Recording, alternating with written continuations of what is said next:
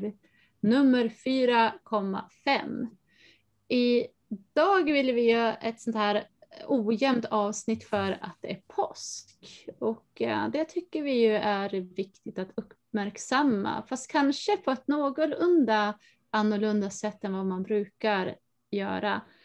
Eh, ni kommer få ett lite påskägg här med blandade godisar bestående av kycklingar, kaniner, häxor, zombies och andar och reinkarnation med mera.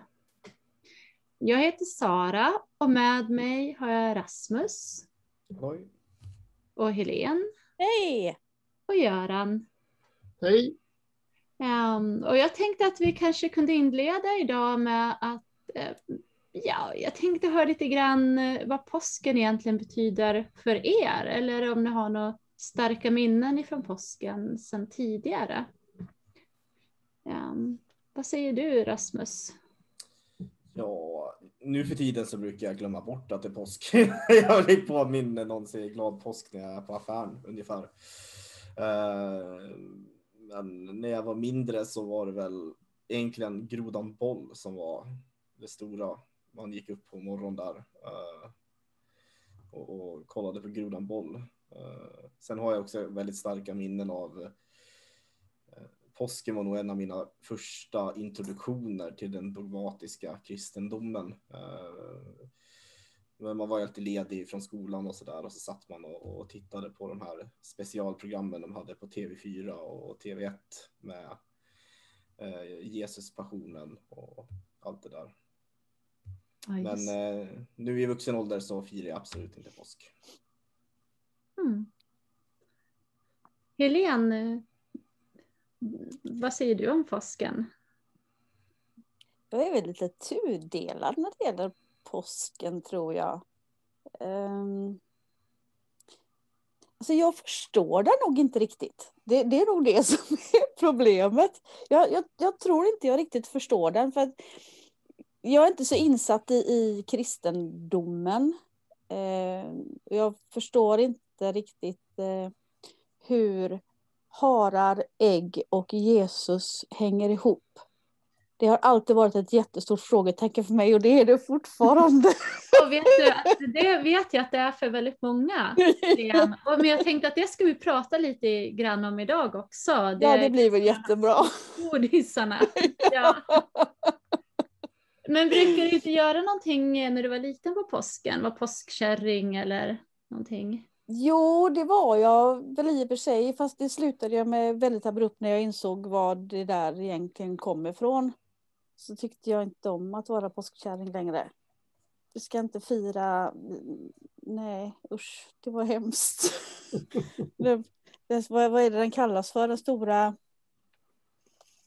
Mm, när alla häxorna jagades och brändes och, och jag kommer inte ihåg vad den mm. Häxprocessen där ja. Ja, men mm. den kallas för någonting speciellt jag inte kommer på just nu.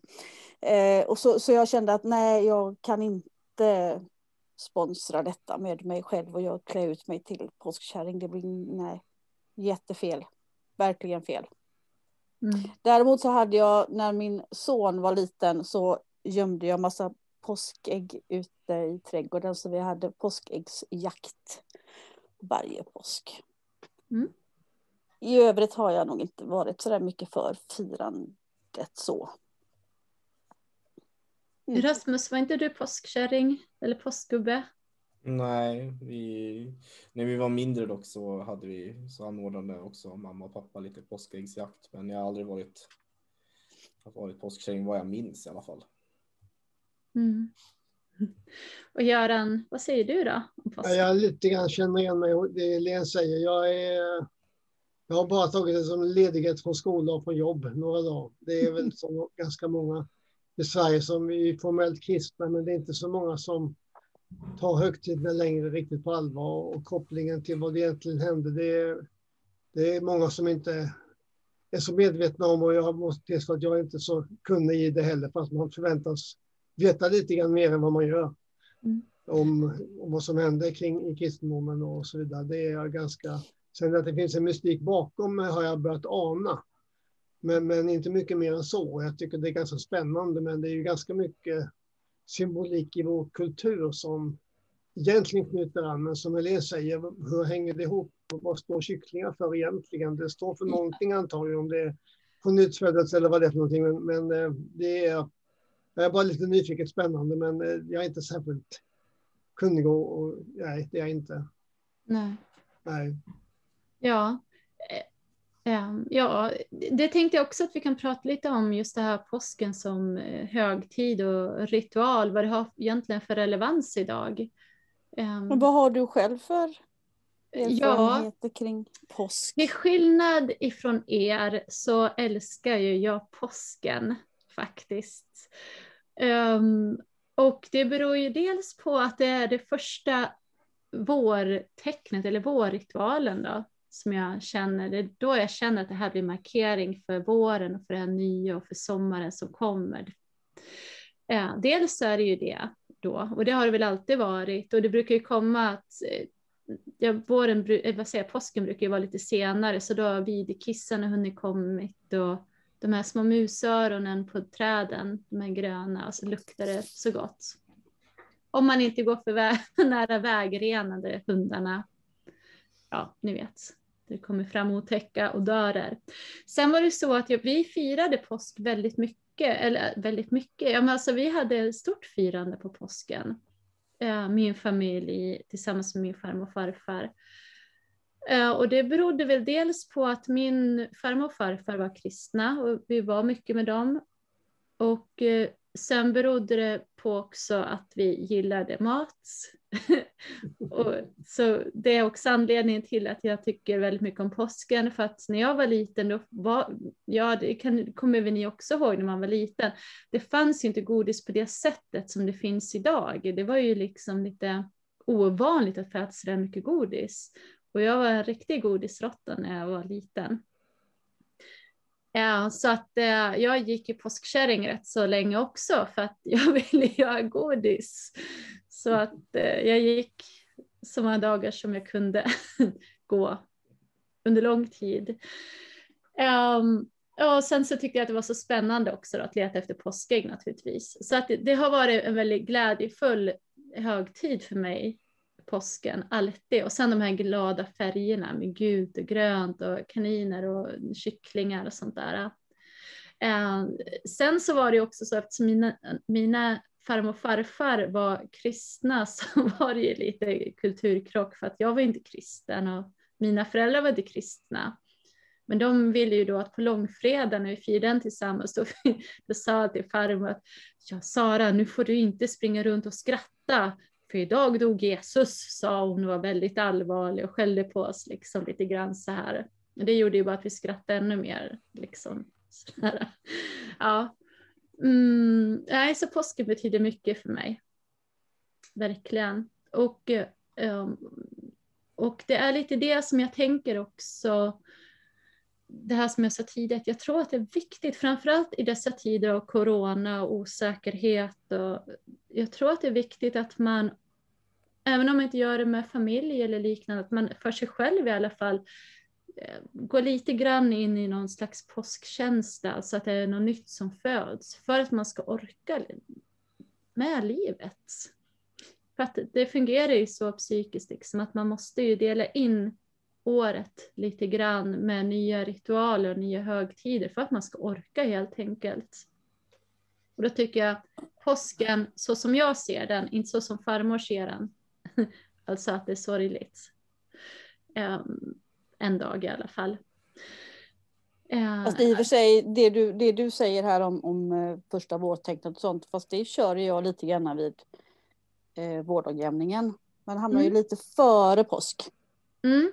Men det är ändå, de hör ju ändå ihop på något sätt kanske man kan säga. Ja, men det är ja. inte bara det, utan det är vårdag, fast vårdagvägningen kanske det inte är så jättemånga som firar på det sättet. Men däremot har vi ju påsken som är officiell och sen första maj där också. Och de, alla de här, de hänger ihop. För att förut när man firar de här, det var liksom inga riktiga datum så här, utan det liksom smälter samman och kalendern har flyttats. Och man firar ju till exempel våren firar man ju tidigare i södra Sverige än i norra Sverige eftersom våren kom tidigare dit. Så att det finns liksom ingen enhetlig, men så är det ju. Mm. Ja, men jag tror att det är viktigt för att människor ska hålla sig friska i sinnet att man i alla fall på något sätt för sig själv om inte annat då markera att det är en ny start. Mm. Det är Jag, liv. Jag, jag tycker nog att de sitt, vårdagjämningen och påsk sitter ihop Mm. mer än man kan tro. För när man tittar ur, ur det klassiska eller ur det historiska perspektivet så är ju eh, Jesus återuppståndelse och, och, och det här, det är ju egentligen den kristna versionen av en mycket äldre myt som vi återfinner i, i väldigt, väldigt många klassiska mytologier och samlingsnamnet för det är myten om den uh, återuppstående guden. Uh, och det handlar ju om solen då och det är liksom den här myten uh, sätter solen som en, en person och berättar ett drama om hur den dör och ständigt återkommer. Så, och så på det sättet så är det ju väldigt sammankopplad med det, vilket är, i senare tid har påsken blivit mycket mer intressant för mig när jag sett den kopplingen och, och hur eh, hur det blir som en slags fortsättning på en eh, urgammal tradition egentligen eh, av att återberätta den här myten. Mm. Ja, men precis. Ehm, jag, jag vet att jag babblar mycket nu, men jag ska bara babbla pyttelite bara. Eh, för att det tar mig direkt in på det här som Helene och Göran sa också, det här om ägg och kycklingar, eller vad var det? Ja, ägg och Jesus. Ägg och harar och kycklingar. Ja, men precis. Och Och det har att göra då att vi pratar ju nu då om, om födelser, vad det som Rasmus pratade om. Hur, och det är det som man från början har firat under våren. Alltså det är för man levde ju förut efter eh, årshjulet kan man säga. Alltså man, eh, man levde efter, efter skörden mycket. Och därefter efter årstiderna på ett helt annat sätt. Så det här med ägg, till skillnad från vad många tror, så har det inte med att göra med Jesus på något sätt. Det har inte att göra med att Jesus åt ägg vid sin sista måltid, som jag hört som en alternativ förklaring. Det har inte heller att göra med egentligen att man åt ägg efter fastan där för att hönorna la mycket ägg. Det gjorde de ju visserligen också, men, men det är ju inte framförallt därför, utan det är ju för att det är en symbol för födelse då. Um, och det är ju också därför man har kaniner och påskharar, för vi vet ju alla vad harar är duktiga på. Hoppa högt. ja, Ja, precis. just det. ja, så det är också en fruktbarhetssymbol då.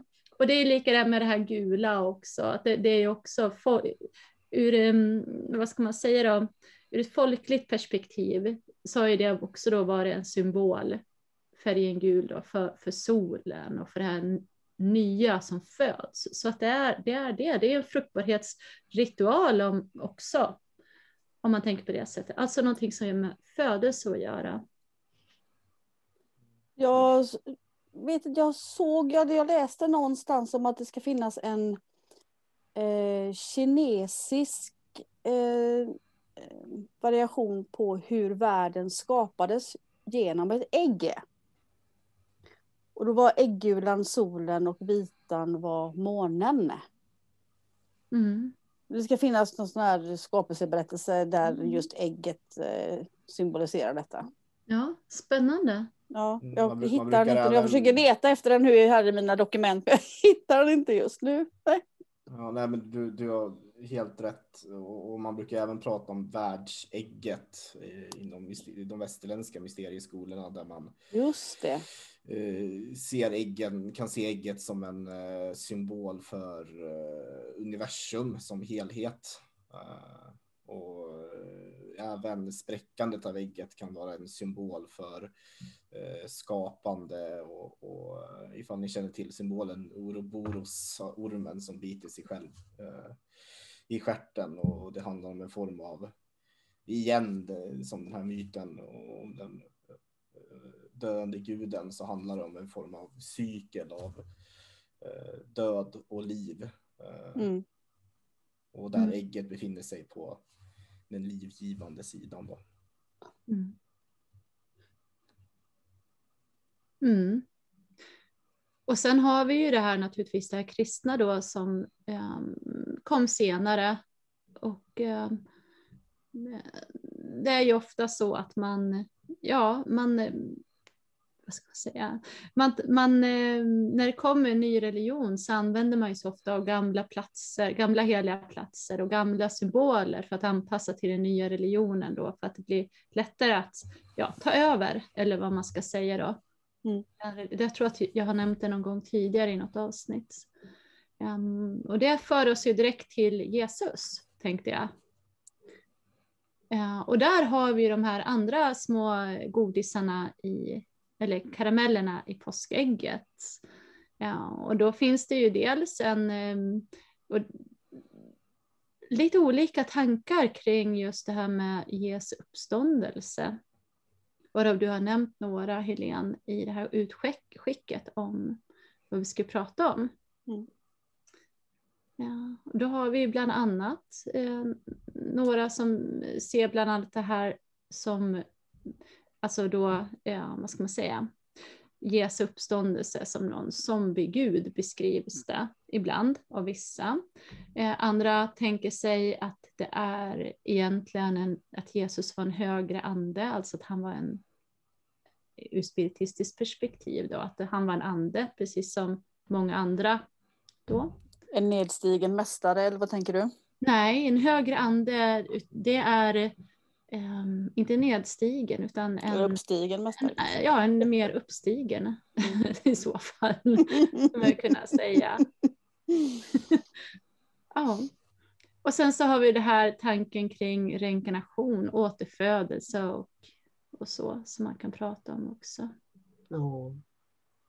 Det här med reinkarnation eh, har väl inte, fanns väl en gång i tiden med i kristendomen men togs inte bort på ett kyrkomöte några hundra år efter Jesu födelse, om jag minns rätt. Vad mm -hmm. det? det? Kommer jag inte ihåg. Det var någon större trosinslag i, i kristendomen som mm. ett kyrkomöte beslutade ta bort ur trosbilden. Mm. Det var intressant. Jag, jag mm. kommer inte ihåg det, jag borde kunna det, men jag tror att det kan ha varit reinkarnation. För det, idag så är det så att man tro på ett, att man eh, eh, ansluter till Jesus efter döden. Eh, och det är inte fråga om flera liv utan det är ett liv vi lever här och sen beroende på våra gärningar så kommer vi någonstans. Mm. Men flera liv, det, har, det, finns idag inte i kristendomen. Mm. Det är väldigt främmande för många. Jag minns att eh, Olof Buckard och Koskinen diskuterade de här frågorna för tre år sedan när de hade ett samtal för oss. Och det, på deras samtal märkte jag att ibland så tar det emot för kristna att tänka sig flera liv. Det går inte ihop med kristendomen att tänka sig flera liv i form av reinkarnation, utan vi lever ett liv och ska ta ansvar för det. Mm. Eh, och därför går det inte ihop rent mentalt för dem, för de är så pass, ja, de är uppväxta med det. Mm. Och därmed svårt att tänka sig de, de, de indicier som nu finns på att man kanske åter, återföds. Som människa. Det är ändå lite intressant tänker jag just med tanke på att det faktiskt var det Jesus gjorde. Ja, han föddes ju och levde 30 eller var det 35 år. Mm. Och sen dog han visade sig i och för sig för lärjungarna efteråt. Och det Precis. Är, då är vi inne på upplevelser av andra då, som vi tänker oss det. Ja, eller om det är en form av reinkarnation, att han faktiskt återföddes i sin egen kropp för en kort stund. Ja, eh, om det är en kropp, fysisk kropp eller om det var en ande som syntes, det, det, det är en definitionsfråga. Mm. Men, men, det, är, det är en variant av det. Han återuppstod och visade sig för människor. De uppfattade honom som kroppslig. Eh, ja, normalt sett då tänker man sig att om det är reinkarnationsfall så är man död längre än bara några dagar, men därom kan man diskutera. Mm. Fast, fast under sker och det, det skedde ju ganska många sådana under den tiden. Ja, tänker jag. Jesus, var ju, Jesus var ju duktig på det man kallar under. Det, ja. det påminner ganska mycket om det vi kallar för paranormala fenomen. Eh, Precis. Återuppväcka döda och få lama att kunna gå. Det var ganska mycket. Så att eh, både vad gäller reinkarnation så är ju tanken mycket intressant och även hans under som ju är grund, grundstomme i kristendomen. Men som vi tolkar lite annat än vad kristna gör tror jag. Mm. Ja, precis. Jag tror också att det beror på vilken sorts kristna det är. För att jag har ju träffat människor också som ser sig själva som kristna, men inte som vad ska man säga, som traditionellt kristna. Utan, och det är ju ofta personer som också tror på änglar, som jag vet att vi har pratat om förut, som då inte tillhör kristendomen i Sverige, alltså protestantismen, eh, längre. Mm. Um, och att det är en hel del ändå som, som um, säger sig vara kristna då, men ändå tänker sig att ja, men det kanske är reinkarnationen då. Liksom. Och det är de här spiritistiska tankarna, tankegångarna som finns i samhället som kom in, in i kristendomen. Men det är ju inte de här uh, true believer-kristna, de accepterar Nej, jag, den tanken. Min mamma var ju uttalad kristen och har även annan släkt som var mm. kristna, men det var traditionellt kristna som jag kallar det för. Eh, det var inte så mycket tal om änglar då inte, utan eh, ganska enkla normala livsregler egentligen. Mm. Att leva ett kristet liv och vara en god människa och på den nivån. Att tala om andar och änglar, det var det inte så mycket tal om, utan det var andra människor som hade upplevelser av det. Man skulle nästan vara helgon för att, eller munk eller liknande för att ha en sån upplevelse. Nu vet vi ju att vanliga människor upplever andra och det är ju ett väldigt kontrast mot den kristna föreställningen att kan vanliga människor uppleva andra. Mm. Det är svårsmält för väldigt många och det är ju faktiskt vad det handlar om som vi har konstaterat. Mm. Jag tänker på, på reinkarnationen här fortfarande och det jag funder, sitter och funderar över det är ju eh, nu tappade det svenska ordet, men vi rupture, när Jesus återkomster, återkommer liksom så här i, i slutdagarna, då, då mm. kan man inte se det som en form av reinkarnation, för då ska ju liksom eh, folk ställa sig upp ur, ur, ur gravarna och, och, möta Jesus som kommer. Eh, och det jag sitter och funderar på, kan, man inte se det som en typ av reinkarnation? Att, att den föreställningen ändå finns med någonstans kvar i kristendomen, eh, om en djupare in i, i eh, djupare in i tron. Eh, alltså, om vi ser reinkarnation som jag tolkade, då handlar det om eh, barn som föds och säger sig ha minnen från tidigare liv. Då är de alltså nyfödda, som några år gamla, har minnen från tidigare liv det är de fall som har dykt upp sedan 30, 40, 50 år när man har följt upp och kontrollerat dessa påståenden. Att eh, visa sig som vuxen efter sin död, som Jesus då gjorde, va? Det, är lite, det är inte riktigt samma sak som den klassiska tron som, som, jag, som vi tänker oss. Men det är en annan variant att, att man som man dör och sen efter några dagar, efter en viss tid, så visar man sig för omgivningen och de känner igen en. Precis, men jag tänker också för, för reinkarnation, det bör ju komma re åter inkarne i, i köttet. Och, och ifall man ser på liksom den här eh, domedagsmyten i kristendomen, jag menar, då, då säger man ju upp, då, man har ju en siffra, nu minns jag inte den, eh, dålig religionsstudent här, men eh, det är ju ett visst antal av de trogna kristna som ska Eh, åter få leva i Guds kungarike. Och jag menar, det, det blir ju bokstavligt åter i köttet. Så det måste man ju se nästan som den renaste formen av reinkarnation. Eh, det är lite så jag har sett det också, Rasmus. Ja. Så som du beskriver det här. Men, men å andra sidan, så som Göran sa förut också, att om det skulle vara så att Jesus visade sig som ande så är det ju en annan sak. Men att han har visat sig så tydligt så att människor har sett honom som återuppstånden. Det, det är ju ja, Ja, tolkningsfrågor tänker jag. ja, det är varianter på samma sak. Man, man tycks överleva döden om man visar sig som ande efteråt. Eh, uppenbarelse av olika slag. Eh, det finns ju många varianter på det. Så att eh, det är ol- lite ty- olika typer av fenomen, men båda antyder ju att något överlever den fysiska döden. Det är Precis. något som är tydlig och det, det är att man då återkommer tillbaka till, till, till en kropp. Det strider lite grann mot kristendomens uppfattning att vi lever ett liv. Som de flesta i alla fall gör. Att det finns en del fritankar inom kristendomen också som tänker lite friare, men traditionellt tro tror jag det. Men det är ändå lite intressant, det som du sa förut, att det faktiskt har funnits innan de tog bort det på något där möte, kyrkomöte av något slag. Var någonstans, vet du var någonstans då det här kyrkomötet var? Jag har svagt minne av att det var någon, någon, något eh, grekiskt. Det lär väl vara Nicea. Där tog Ja, jag, Nicea, jag tänkte säga Nicea eller något liknande. Mm. Nicosia är ett, namn idag, men Nicea eller något liknande. Men det är ändå intressant att det faktiskt har funnits. Men, men de bedömde väl alltså att eh, trosuppfattningarna inom kristendomen inte gick ihop.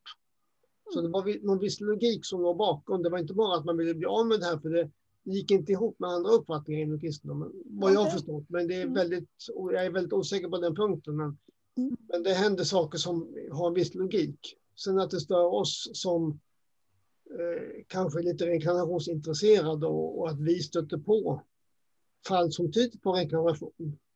Då vill vi kanske gärna få ihop det, men om man har någon grundtro som vi då, att vi, vi har kristendomen i Sverige, så vill vi få ihop det med den. Och det är svårt att få ihop, tror jag, för många. Mm. Men eh, de här fallen med barn som berättar om tidigare minnen, de- finns ju faktiskt och de har rapporterats i böcker och tidskrifter, så att de finns ju.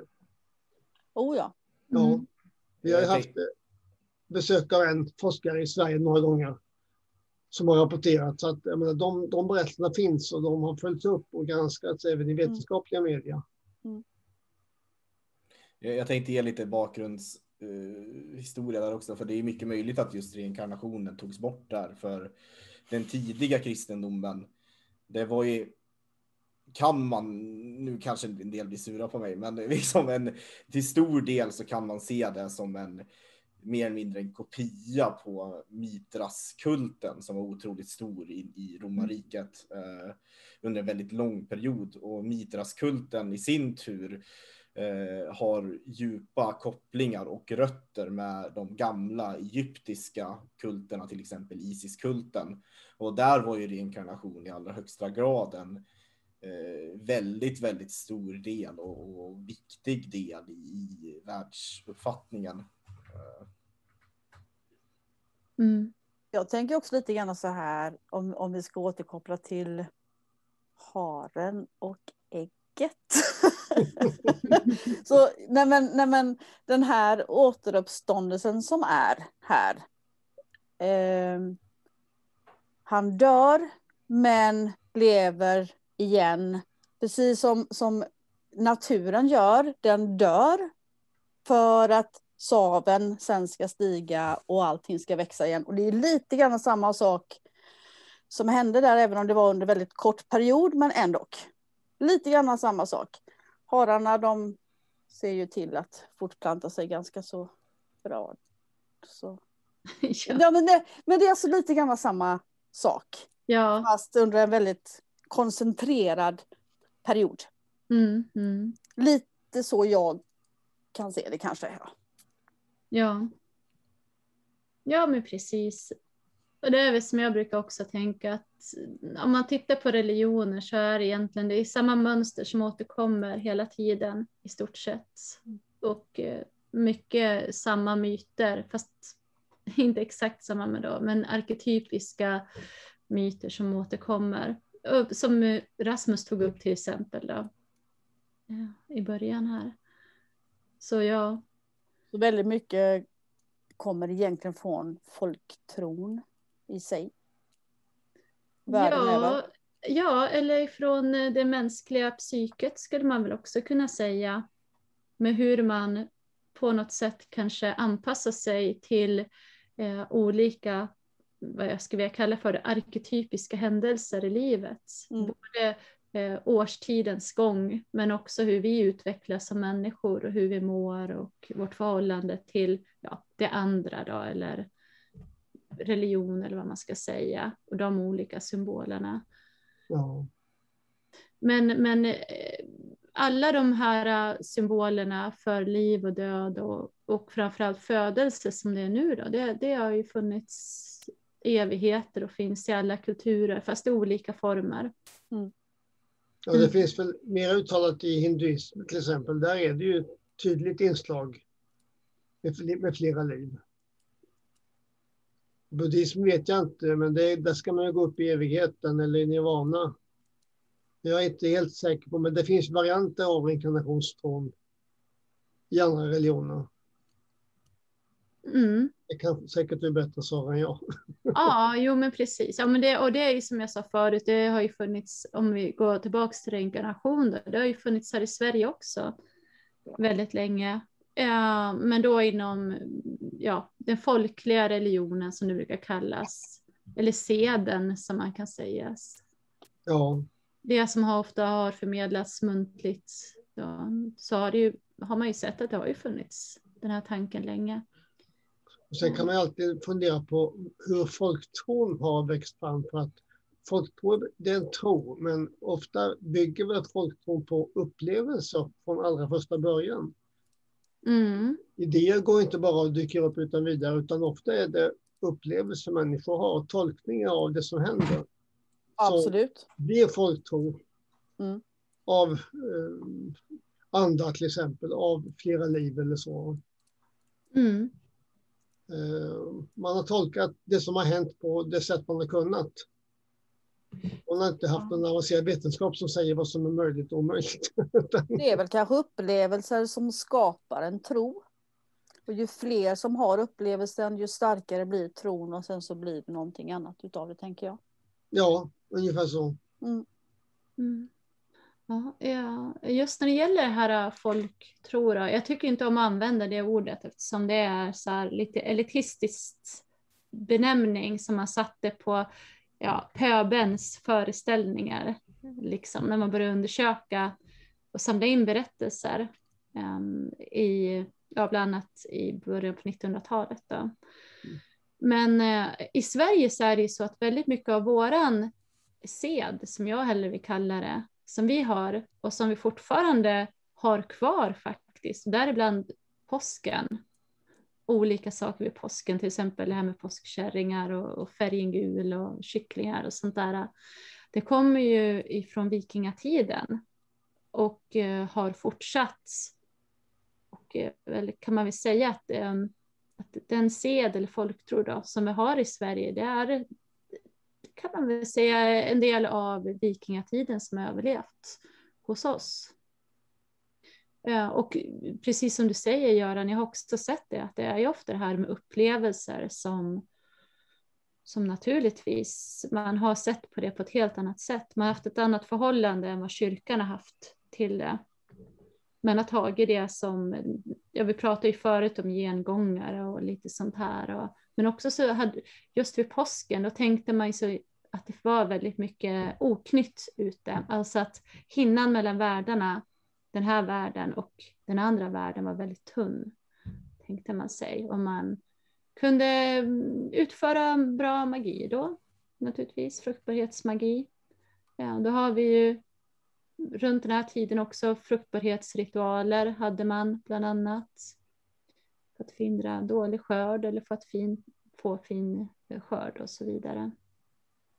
Just, Mm. just det här med ritualer har jag suttit och tänkt på lite här också. För det är liksom, där har vi någonting som eh, en sorts parallell till det parapsykologiska spåret. Just det här tanken att vårt medvetande kan påverka och forma eh, världen runt omkring oss. Eh, jag- jag tycker den parallellen är väldigt spännande.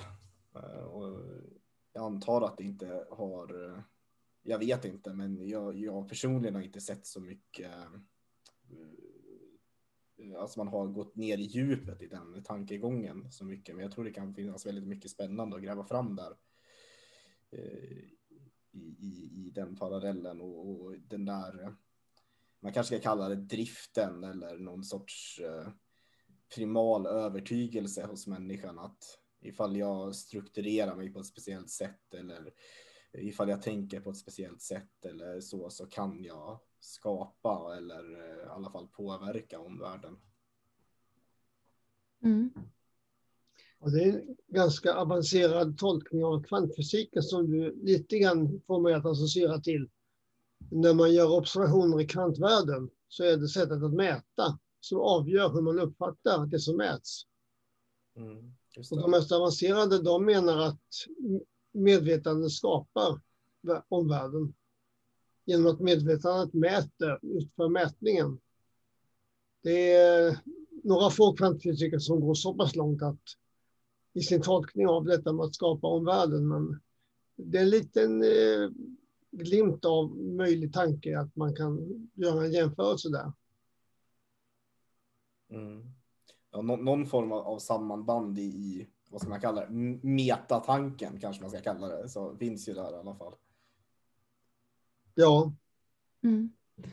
Ja, ja, och lite grann ska vi säga det här med ritualer och sånt där. Det är ju inte så många som är kristna längre i Sverige.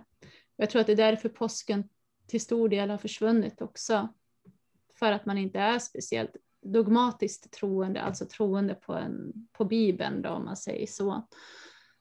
Ehm, men eh, ja, det vi har kvar i alla fall av den här ritualen, många av oss i alla fall, det är ju att gå ut på vårpromenader, kanske plocka hem lite vårris eller blommor och ställa på bordet, lite eh, tussilago när vi hittar det. Det kan också ses som en vårritual och kanske en av de tydligaste fruktbarhetsritualerna som vi fortfarande har, eller som man kan säga har blivit anpassade till idag, det är väl att måla ägg, tänker jag mig.